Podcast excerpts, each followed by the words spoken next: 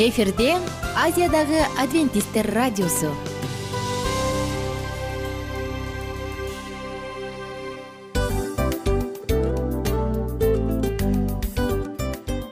Достор салют.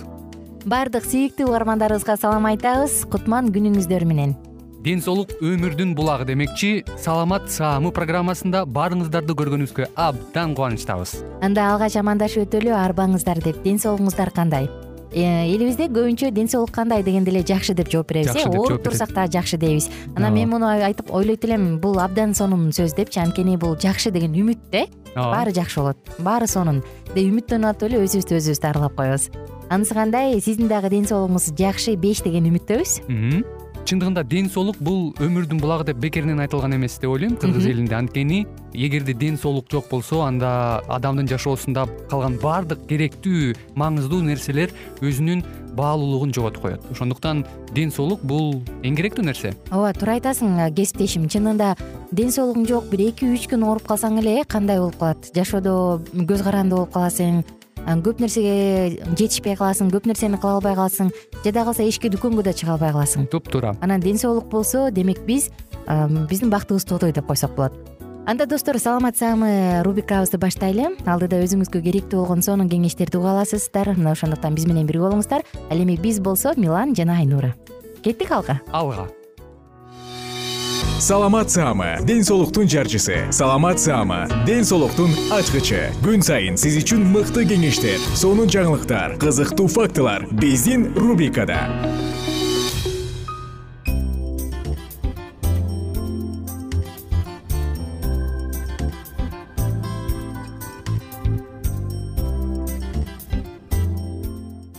салют достор сүйүктүү угармандарыбыздын баардыгына ысык салам. Сиздер менен бүгүн суу менен дарылануу тууралуу кебибизди улантабыз. Бул уктурууда биз гидротерапия же суу менен кантип дарыланса болот мына ушул тууралуу сөз кылмакчыбыз.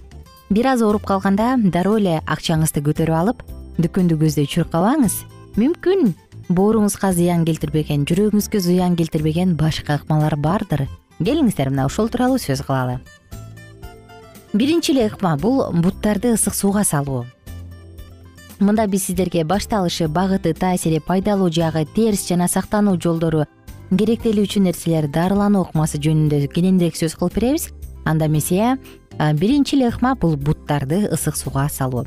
Бала чакта эсимде кичинекей кезибизде чыйрыгы үшүгөндө апам ай бутуң үшүп калыптыр кел ооруп каласың деп туруп ысык сууга салып койгондо тим эле дене боюң тердеп жыргап каласың го мына дал ушул нерсе буттарды ысык сууга салуу. Чогуу колдонулган суу менен дарылануунун бир түрү болуп саналат. Бул ыкманы колдонуунун өзгөчөлүгүн эске алып өзүнчө ар бирин карап чыгабыз. Адам жылынуу үчүн бул ыкманы колдонот жана анын зыяны болбойт буттарды ысык сууга алгач даярданышыбыз керек. Бул ыкманы отургучка отуруп жасагандыктан отургучка сүргү жайып алыңыз. Кырк градус суу ысык болсо нормалдуу буттарды ысык сууга салуу он мүнөттөн отуз мүнөткө чейинки убакытты камтыйт. Бул ыкманы колдоно турган адамга отурууга жардам бериңиз. Анын буттарын сууга колдорунуңуз менен кармап алып акырын салыңыз. Отурган адамды жана буту салынган чылапчынды шейшеп менен тыгыз ороп жаап коюңуз. Биринчиден буттардагы жана алардын терисинин сыртындагы кан айлануу күчөтөт. Анын натыйжасында ички дене мүчөлөрүндөгү жана мээдеги бир нерселердин чогулуусунан арылууга жардам берет. Ошондой эле цефалгияны бул баштын кан тамырларындагы керексиз нерселердин чогулганынан келип чыккан баш оору цефалгияны жеңилдетет. Төштүн ички мүчөлөрүндөгү жана кичи жамбаштын ичиндеги мүчөлөрдөгү чогулган керексиз нерселерден арылууга жардам берет. Экинчиден денени толугу менен ысытыш үчүн төмөндөгү нерселерди дагы камдап алыш керек денени сергитүү ыкмасын же аны толугу менен орош үчүн керектүү шейшеп даярдоо ыкманы өтүп жаткан адамды жакшылап тердетүү керек. Эгер тердебей жатса анда бул ыкманын убактысын узартуу зарыл жеңил жугуштуу оорунун алдын алууга же аны пайда болсо жок кылууга жардам берет. Бул ыкма денени жайбаракат абалга алып келет согончокко суук тийүүсүнөн сактоочу же аны айыктыруучу дагы ыкма кандагы ак клеткалардын ишин жогорулатат. Дагы бир жолу айталы отураардан мурун үстөлдү даярдап сүлгү илип даярдап алыңыз. Суунун температурасы кырк градустун тегерегинде болушу керек. Э, бутун э, сууга салып аткан адамды толугу менен жылуу одеял менен жаап коюу зарыл. Мындай ыкманын кандай пайдалуу жактары бар? Келиңиздер карап өтөлү. Буттарды ысык сууга салуу ыкмасын колдонуп жатып баарынан мурда суу куюлган чылапчындын алдына суу өткөрбөгөн нерсени анын үстүнө калың кездемени ал анын үстүнө болсо шейшеп төшөңүз цифалгияга пайдалуу төштүн жана кичи жамбаштын ички мүчөлөрүндөгү чогулган керексиз нерселерден арылууга пайдалуу. Мурундан суу агып жатканда пайдалуу. Суу менен дарылануунун башка ыкмаларына даярданып жатканда дагы жакшы.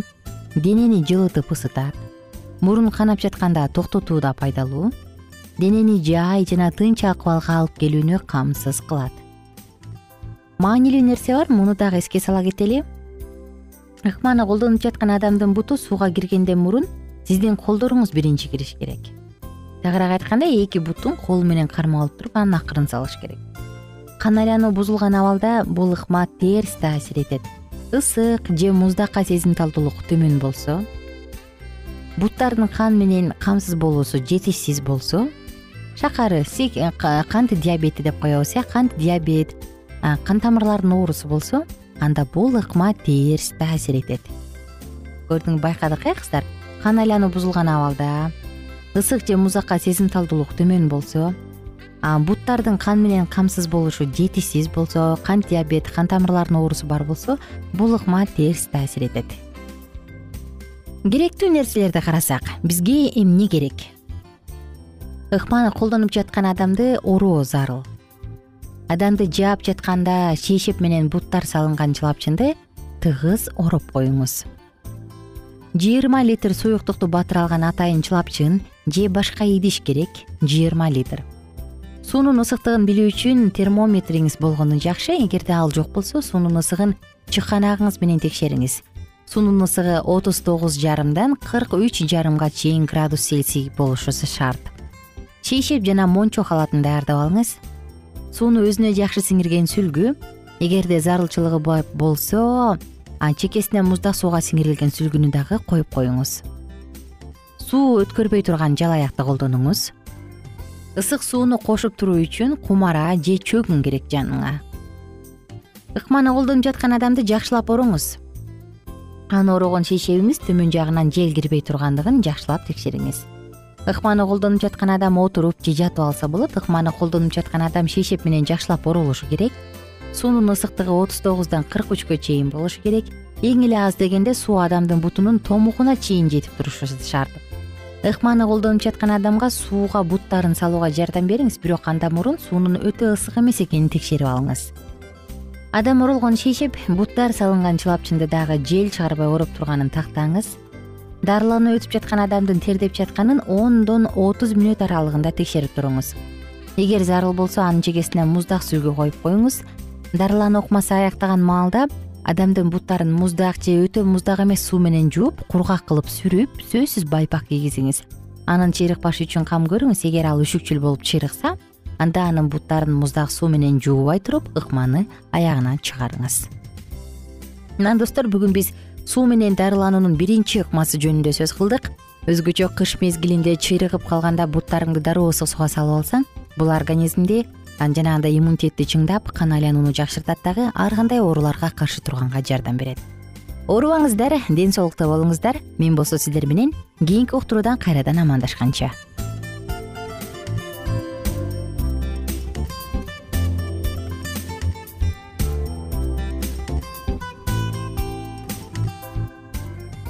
кененирээк маалыматтар үчүн үч w чекит саламат чекит клуб сайтына келип таанышыңыздар. Жана андан тышкары социалдык тармактарда youtube facebook жана instagram баракчаларына катталыңыз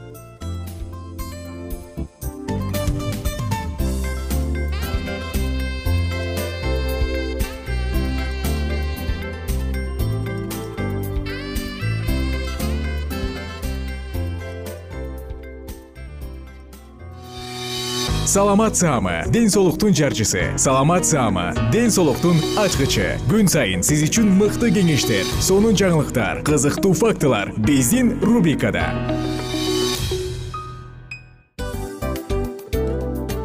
Салам достор. Кайрадан биздин сүйүктүү рубрикабызга кош келиңиздер деп айтмакчыбыз. Баардык замандаштарыбызга арбаңыздар деп саламыбызды айтабыз. Улуу ушундай бир урматтаган учурашуу менен анан дил маек радио баракчабызга чакырабыз. Негизи дил маек биздин рубрикабызда эмне жөнүндө кеп кылабыз? Бул дил маектин мааниси эмнеде? Рубрикабыз менен кичине тааныштырып кетсеңиз. Сөзсүз түрдө тааныштыра кетейин кесиптешим суранычы боюнча бул учурда бул радио баракчада биз ар тарап кесип ээлеринен сонун кеңештерди алабыз сүйлөшөбүз сырдашабыз аталарыбыздын эжелерибиздин апаларыбыздын кеңештерин угабыз. Айтор жан дүйнөгө адамдын э, сапатына адамдын деги эле адам болуп жашашына керектүү баардык кеңештер алдыда. Негизи э, дил маек дегенде баягы эки адамдын ортосундагы сырдашуу кенен сүйлөшүү. Негизи эле биз адамдар бири бирибиз менен бир жерге жай жерге отуруп алып өзүнчө тынч э, жашоо жөнүндө өмүрүбүздө эмне болуп атканын бөлүшкөнү жакшы көрөбүз э адамдар. Ооба туура айтасың анан мындай учурга кээде убакыт да жетпей келет э. Же болбосо сырыңды кайгыңды муңуңду кубанычыңды айткың келет адамга ишенбешиң мүмкүн. Ооба. А бул радио баракча угармандарыбыздын чыныгы досу. Анткени бизден алган кеңеш сиздин жашооңузга чоң жардам берет. Ал эми сиздин бизге айта турган сөзүңүз ортодо гана сыр бойдон калат. Ошондуктан биздин дил маек рубрикабызга дагы бир жолу кош келиңиздер. Жана биз даярдаган маалыматтарга даяр болуңуздар. Айнура жана милан сиздер менен бирге алдыга кеттик ар түрдүү ардактуу кесип ээлеринен алтын сөздөр жүрөк ачышкан сыр чачышкан сонун маек дил маек рубрикасында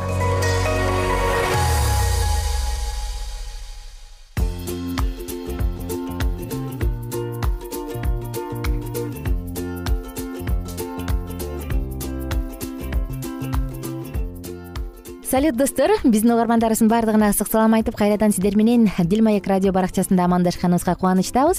Бүгүнкү уктуруубузда дагы э, сиздер менен бирге ушул баарлашуу тууралуу сөз кылалы деп турабыз. Коногубуз бар үй бүлөлүк кеңешчи жаркыраган э, баягы маңдайы жарык деп коет э кыргыз элибиз.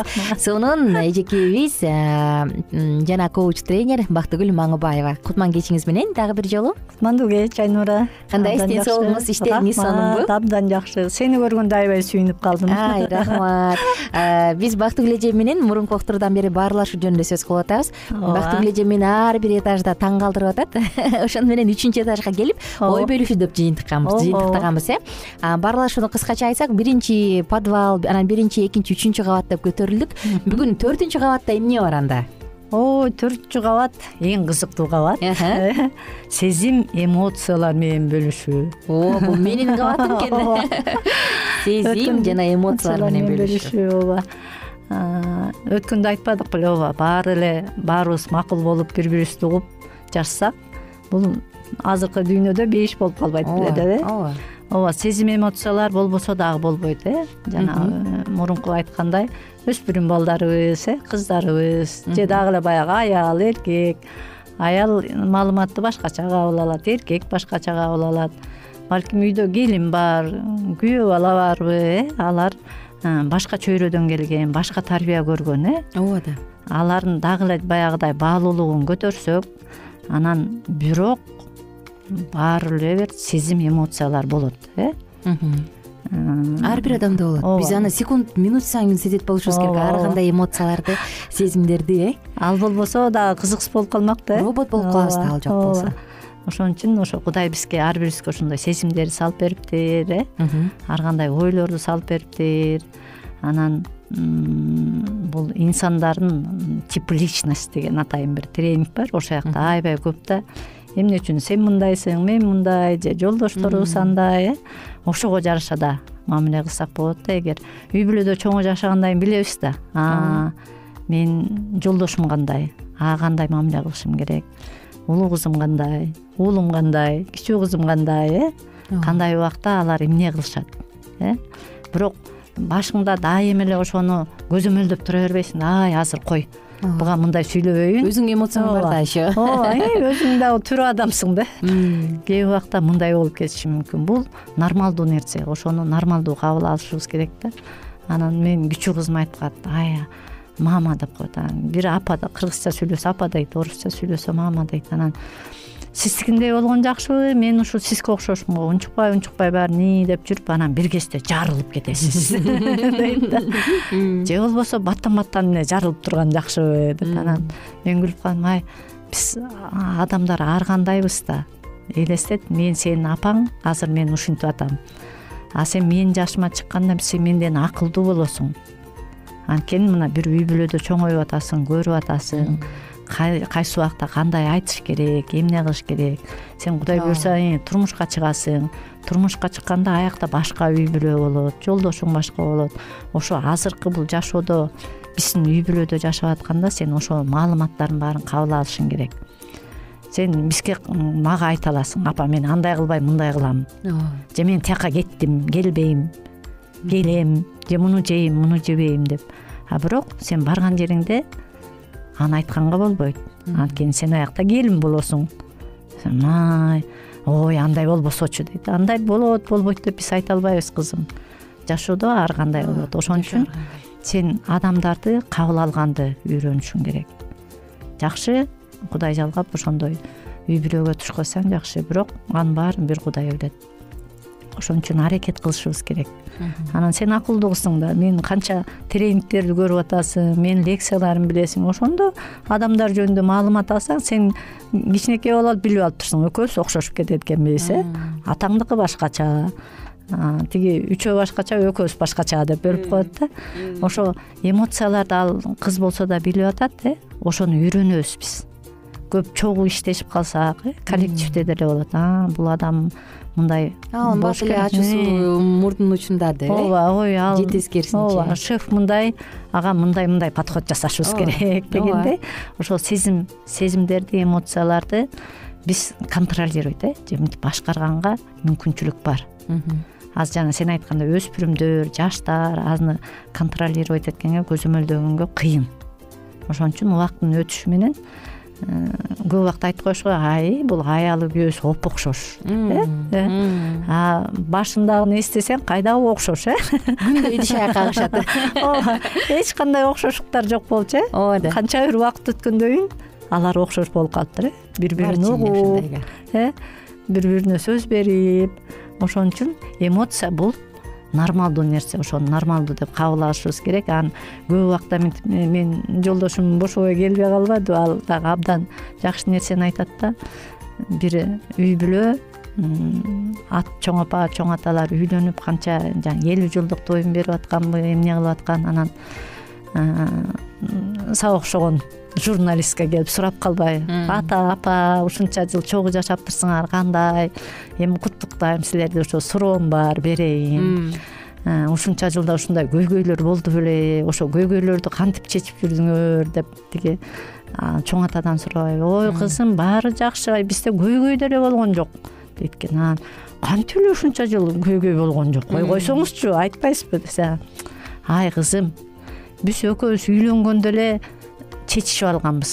Мындай чоң көйгөй болсо мен чечем майдаларын өзүң эле чечип кой деп. Анан анан анан такыр чоң көйгөй болгон жок десем ушуга чейин чоң көйгөй болду элек кызым бүт майда чыйда көйгөйлөрдү апаң өзү чечип дегендей анысы кандай э? Ооба анысы кандай. Акылмандуулук керек бизге өзгөчө. Менде дагы ушундай суроо болуп атат э, баарлашуу менен эмоциянын кандай байланышы бар деп. Кийинки уктуруда жооп берсеңиз сонун болмок э? Азыр болсо убактыбыз соңку мүнөттөрүнө келип калды. Биз сиздер менен коштошобуз чындыгында кызык э?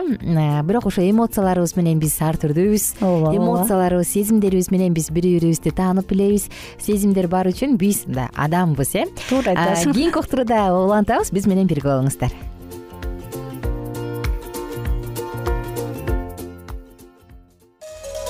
Ар түрдүү ардактуу кесип ээлеринен алтын сөздөр жүрөк ачышкан сыр чачышкан сонун маек. Дил маек рубрикасында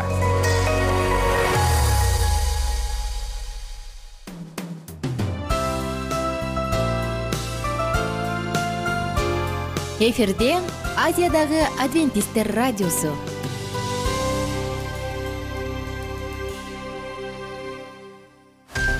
Жан дүйнөңдү байыткан жүрөгүңдү азыктанткан жашооңо маңыз тартуулаган жан азык рубрикасы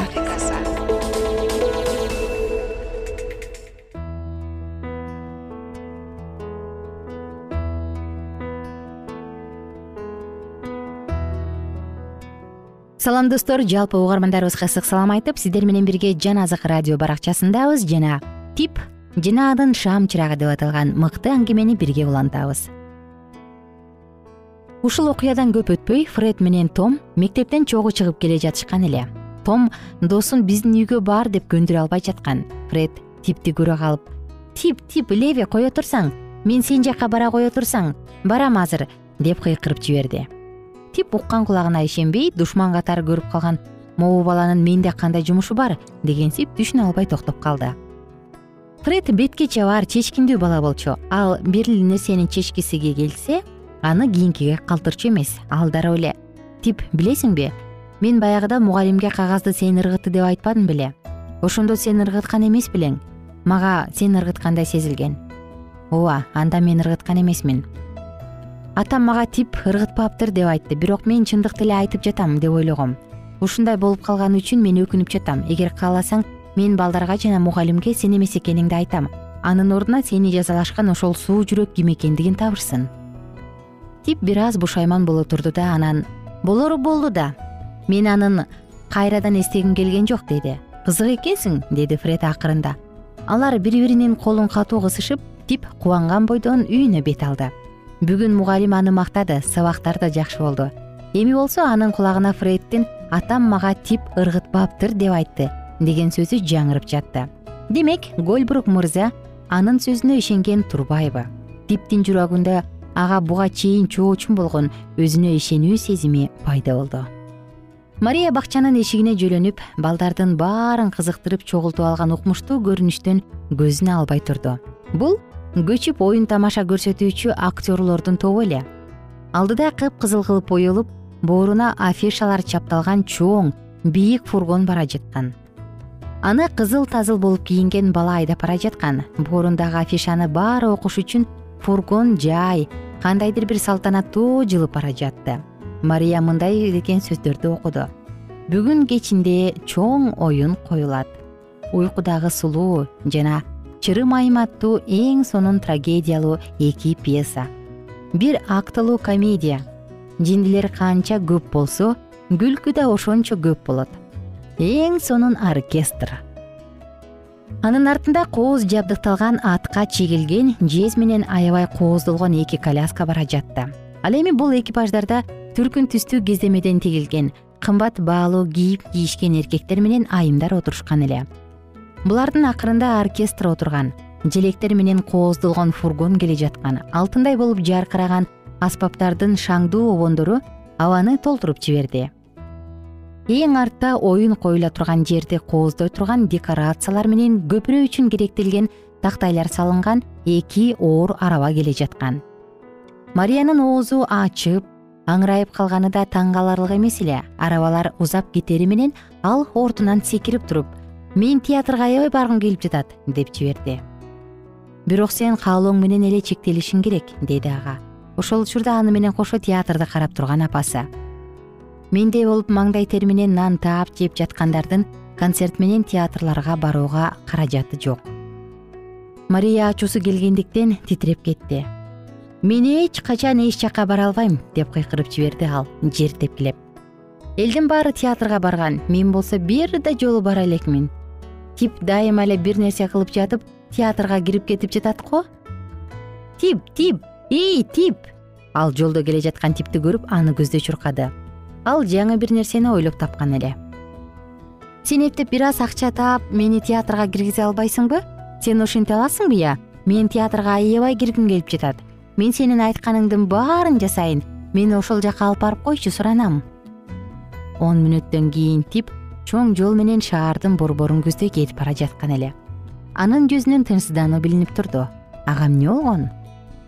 Ал мария андан өмүрүндө биринчи жолу бир өтүнүчүн аткарып коюусун сурангандыктан кыйналып жаткан. Бирок чынын айтканда ал өзү дагы ушул оюнга барбай калгысы келип жаткан эле. Алыстан музыканын үнү угула калганда ал толкунданып кубанып кейип жатты.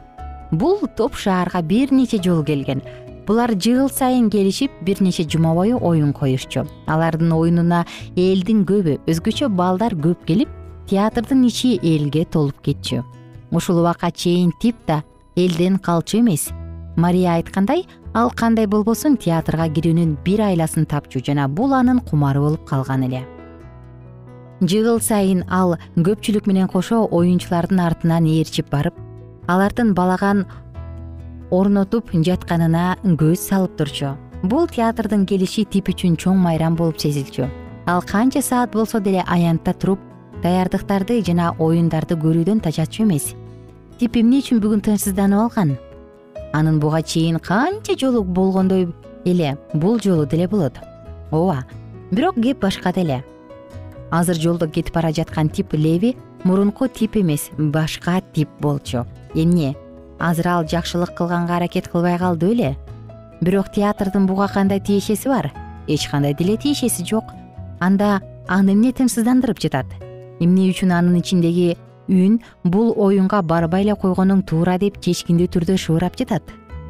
Тип бул жөнүндө жакшылап ойлонуп көрүп ичиндеги театрга барбоо тууралуу күрөш фред гольбрук менен том минтурдун ата энеси жибербегендиктен театрга барбай калышкандыктарын билгенден улам пайда болгонун аныктады. Фред мындай театрга баруу менен алардын кылып жаткан жагымсыз иштерине эч кандай каршылыгыбыз жок экенин билдирген болобуз деди. Буга чейин типтин фред эмне ойлоп эмне койгону менен иши жок болчу. Бирок эми ал адептүү болууга умтулуп жаткан.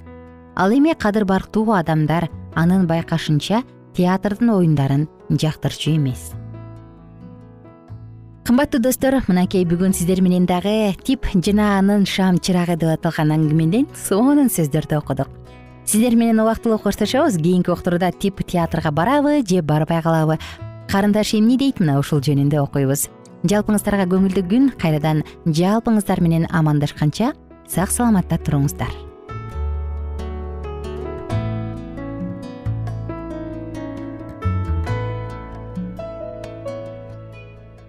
эгер сиздерде суроолор болсо же көбүрөөк маалымат билем десеңиз анда биздин whatsapp номерибизге жазыңыз. Плюс бир үч жүз бир жети жүз алтымыш алтымыш жетимиш. Кайрадан плюс бир үч жүз бир жети жүз алтымыш алтымыш жетимиш